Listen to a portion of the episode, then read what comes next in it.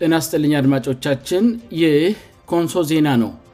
አሁን የዕለቱን አንኳር ዜና የምናቀርብበት ጊዜ ላይ ደርሰናል ዜናውን ማቀርብላችሁ የቬሎናታ ነኝ አብራችን ኑ አርስት ዜናዎቹን በማስቀደም የዕለተ ሐሙስ ናሀሴ 12 ቀን214 ዓ አንኳር ዜናዎችን አሰማለሁ የኮንሶ ዞን ምክር ቤት በዛሬው ውሎው የተለያዩ ልማት ነክና አስተዳደራዊ ጉዳዮች ላይ መምከሩ ተገለጸ የኮንሶ ዞን ምክር ቤት ለ2015 ዓም 700 ሚሊዮን ብር ገደማ በጀት በማጥረቅ ማምሻውን ስብሰባውን አጠናቀቀ በኢትዮጵያ 12ተኛ ክልል እንዲቋቋም የሚያስችል ህዝበ ውሳኔ እንዲካሄድ የፈደሬሽን ምክር ቤት ወሰነ አሁን ዜናው በዝርዝር አሰማለሁ የኮንሶ ዞን ምክር ቤት በዛሬው ውለው የተለያዩ ልማት ነክ ና አስተዳደራዊ ጉዳዮች ላይ መምከሩ ተገለጸ ከትናንት ሐሙስ ሮብ ነሐሴ 11 ቀን200 ዓም ጀምሮ ስብሰባውን በማካሄድ ላይ የሚገኘው የኮንሶ ዞን ምክር ቤት በዛሬ 2ትም የተለያዩ ሰክተር መስሪያ ቤቶች ሪፖርቶች ላይ መወያየቱን የኮሚኒኬሽን መስሪያ ቤት አስታውቋል በዛሬው ውሎ በአባላቱ ለቤቱ በቀረበ ሪፖርቶችና እቅዶች ላይ ከተነሱ ጥያቄዎች መካከል ከትምህርት ጥራት ከጤና አገልግሎት አሰጣትና ከአመራሮች የሥነምግባር ችግሮች እና ሌሎችም ጉዳዮች ጋር የተያያዙ ጥያቄዎች መነሳታቸው ታውቋል መሰረተ ልማቶችን በተመለከተ የጤና አገልግሎት አሰጣት የመንገድ ትራፊክ ደህንነት የከተማ ልማትና ግንባታ ስራ እድል ፈጠራ የገጠር መረት ግብር የመስኖር ፕሮጀክቶች እና ሌሎችም ልማትነት ጉዳዮች ተነስተው ውይይት የተደረገባቸው ሲሆን የአገልግሎት ተቋማት ጥራቱን የጠበቂ አገልግሎት እንዲሰጡ ግንባታዎችም ደግሞ ጥራታቸውን ጠብቀውን እንዲሰሩ የምክር ቤቱ አባላት ማሳሰባቸው ተገልጿዋል ማብራሪያ የሚፈልጉ ጉዳዮች ላይ የዞኑ መንግስት አስተዳዳሪ አቶ ዳውት ገበየው ማብራሪያ መስጠታቸው የተገለጸ ሲሆን በተለይም ከትምህርት ጥራትና ከጤና አገልግሎት ጋር በተያያዘ በተስተዋሉ ችግሮች ላይ እርምጃዎችን ያካትቱ ስራዎች መሰራታቸው በአስተዳደሩ ተገልጿል በጤና ዘርፍ ከስነ ምግባሮጭ የሆነ ተግባር የፈጸሙ በአለሙያዎች ላይ እርምጃ መወሰዱ የተገለጸ ሲሆን የትምህርት ጥራት መዳከም ጋር በተያያዘም ተቆጣጣሪዎችእና ሬሳነ መምህራን መገምገማቸው ተገልጿል የባንክ አገልግሎት አሰጣት በቂያ ለመሆን ህብረሰቡ ላይ የሚፈጥረው መጉላላት ጋሪም በተያያዘ ተጨማሪ ቅርንጫፎች እንዲከፈቱ ከሚመለከተው አካል ጋር ምክክር መደረጉ በማብራሪያ ወቅት በስተዳደሩ ተገልጿል በመልካም አስተዳደር ዘርፍም ከአገልግሎት አሰጣት ከሰው ኃይል ቅጥር ከፍትህ አሰጣት ከውሃና መብራት አገልግሎቶች ጋር በተያያዘም ችግሮች ተነስተው ውይይት እንደተደረገባቸው የኮሚኒኬሽን መስሪያ ቤቱ ዘገባ ያመለክታል ምክር ቤቱ ወይዘሮ ዘነበጭ ወለታን በኮንሶ ታሪክ የመጀመሪው ሴት የፍርድ ቤት ዳኛ አድርጎ መሾሙም ተገልጿል ይሁንና የመጀመሪያው ሴት የፍርድ ቤት ዳኛ የተሾሙት ለየተኛ ወረዳ ወይም ከተማ አስተዳደር ፍርድ ቤት ፕሬዝደንትነት እንደተሾሙ የኮሚኒኬሽን መስሪያ ቤቱ መረጃ ግልጽ ያላደረገ ቢሆንም ኋላ ላይ ለካራት ከተማ አስተዳደር ፍርድ ቤት ፕሬዝደንት ተደርገው መሾማቸው ቀጥሎ ባወጣው ዘገባ አስታውቋል ይህ ኮንሶ ዜና ነው የኮንሶ ዞን ምክር ቤት ለ2015 ዓም 700 ሚሊየን ብር ገደማ በጀት በማጽደግ ማምሻውን ስብሰባውን አጠናቀቀ የኮንሶ ዞን ምክር ቤት በዛሬው የከሰዓት በኋላ ስብሰባው የ2015 ዓ ም እቅዶችእና በጀት ላይ ተወያይተው 6999 ሚሊየን ብር በጀት ማጽደቁን የኮሚኒኬሽን መሥሪያ ቤቱ አስታውቋል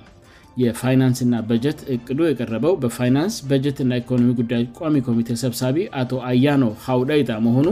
በዘገባው ተመልክቷል በጀቱ ከአምና የ7 ያህል ጭማሪ አለው የተባለ ሲሆን ምናልባትም ከዋጋ ግሽበት ጋር በተያዘ የተደረገ ጭማሪ እንደሆነ ይገመታል በጀት ላይ ከተደረገ ውይይት ቀጥሎ የፍርድ ቤቶች ፕሬዝደንቶች ሹመት የተከናወነ ሲሆን ታሪካዊ በተባለለስ ሹመት ወይዘሮ ዘነበች ለታ የካረት ከተማ አስተዳደር የመጀመሪያ ደረጃ ፍርድ ቤት ፕሬዝደንት ሆነው ተሽመዋል አቶ ደጋንቶ ሆይርታ ደግሞ ለካራ ዙሪያ ወረዳ ፍርድ ቤት ፕሬዝደንት ሆነው በምክር ቤቱ ተሽመዋል በመጨረሻም የኮንሶ ማህበረሰብን ክብርና ዝናን ዝቅ በማድረግ ሀሰተኛ መረጃ የሚዘሩ የፌስቡክ አርበኞች እና የኮንሶ ህዝብ ካሃዲዎች ተብለው የተገለጹ በሀገር ውስጥእና ከሀገር ውጭ የሚኖሩ እንዲሁም በስውር የፌስቡክ አካውንቶች የሚጠቀሙ ግለሰቦች ምክር ቤቱ እንዲያወግዝ እና በህግ ተጠያቄ እንዲሆኑ እንዲደረግ የኮንሶ ዞን ዋና አስተዳዳሪ አቶ ዳዊት ገበዮ ለምክር ቤቱ ጥሪ ማቅረባቸውን የኮሚኒኬሽን መስሪያ ቤቱ በዘገባው አስፍሯል ከጸጥታ ጉዳዮች ጋር በተያያዘ ሀሰተኛ መረጃዎችን በማሰራጨት የኮንሶን ህዝብ ስም በማጠልሸት የሚታወቁት እንደ አሻራ ሚዲያ መረጃ ቲቪእና የኢትዮጵያ ፕሬስ ድርጅት አይነት የሚታወቁ የመረጃ ማሰራጫ ተቋማት ተደጋጋሚ ሀሰተኛና ያልተጣሩ ዘገባዎችን መስራታቸው ይታወቃል በውጭ ሀገር ሆነው የኮንሶን ህዝብ ስም ክብርና ዝና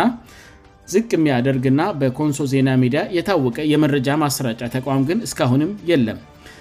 ኮንሶ ዜና ከተቋቋመበት አላማዎች አንዱ ሀሰተኛ መረጃዎችን በማሰራጨት የኮንሶን ዝብ ስም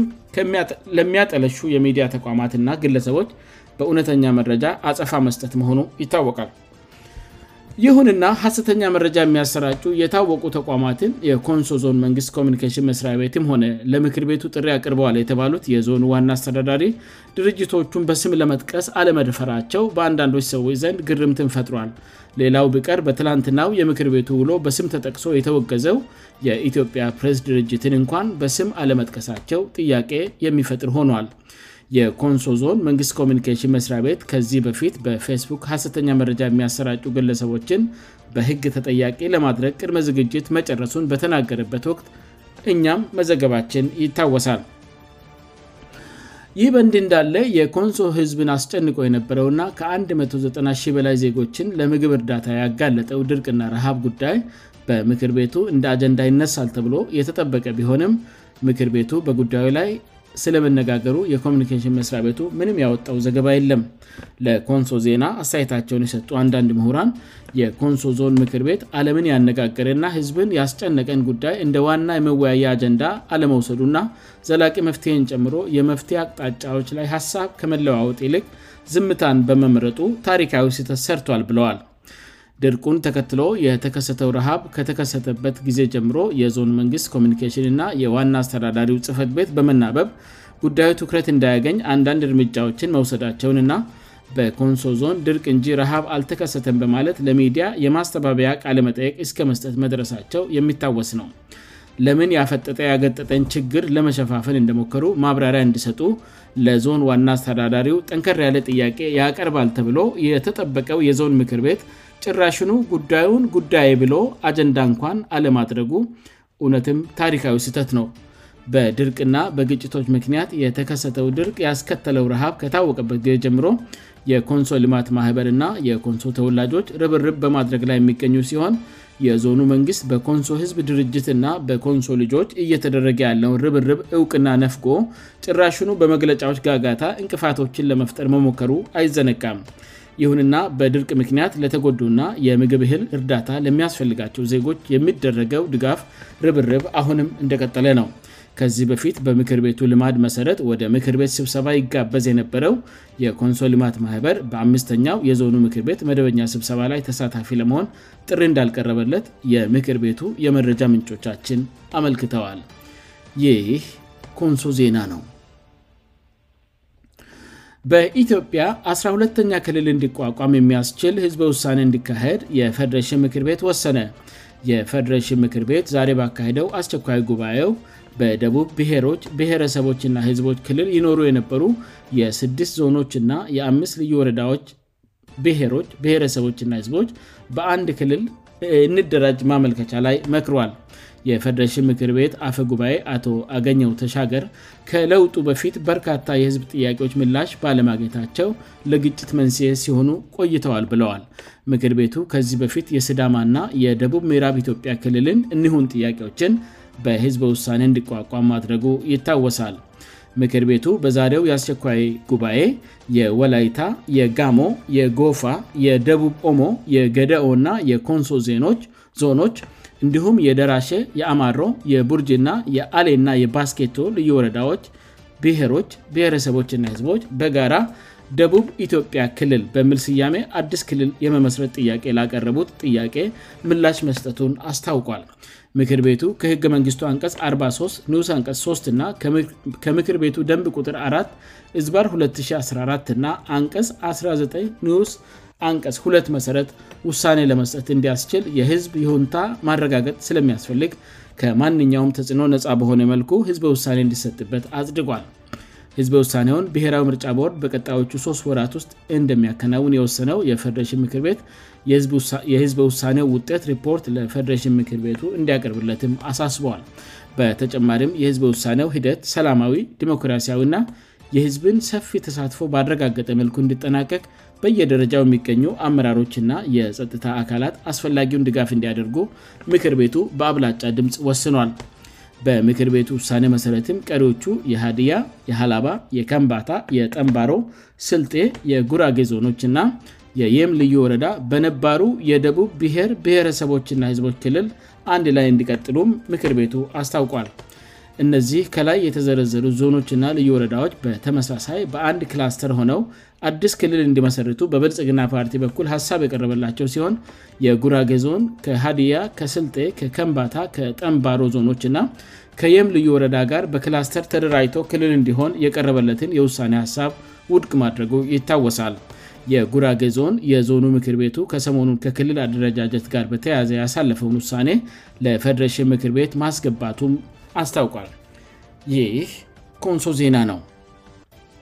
አድማጮቻችን ዜናውን ከማብቃት በፊት አርስተ ዜናዎቹን በድጋሚ አሰማለሁ የኮንሶ ዞን ምክር ቤት በዛሬ ውሎ በተለያዩ ልማት ኔክና አስተዳድራዊ ጉዳዮች ላይ መምከሩ ተገለጸ የኮንሶ ዞን ምክር ቤት ለ2015 ዓ ም በጀት ዓመት 700 ሚሊየን ብር ገደማ በጀት በማጽደግ ማምሻውን ስብሰባውን አጠናቀቀ በኢትዮጵያ 12ተኛው ክልል እንዲቋቋም የሚያስችል ህዝበ ውሳኔ እንዲካሄድ የፌደሬሽን ምክር ቤት ወሰነ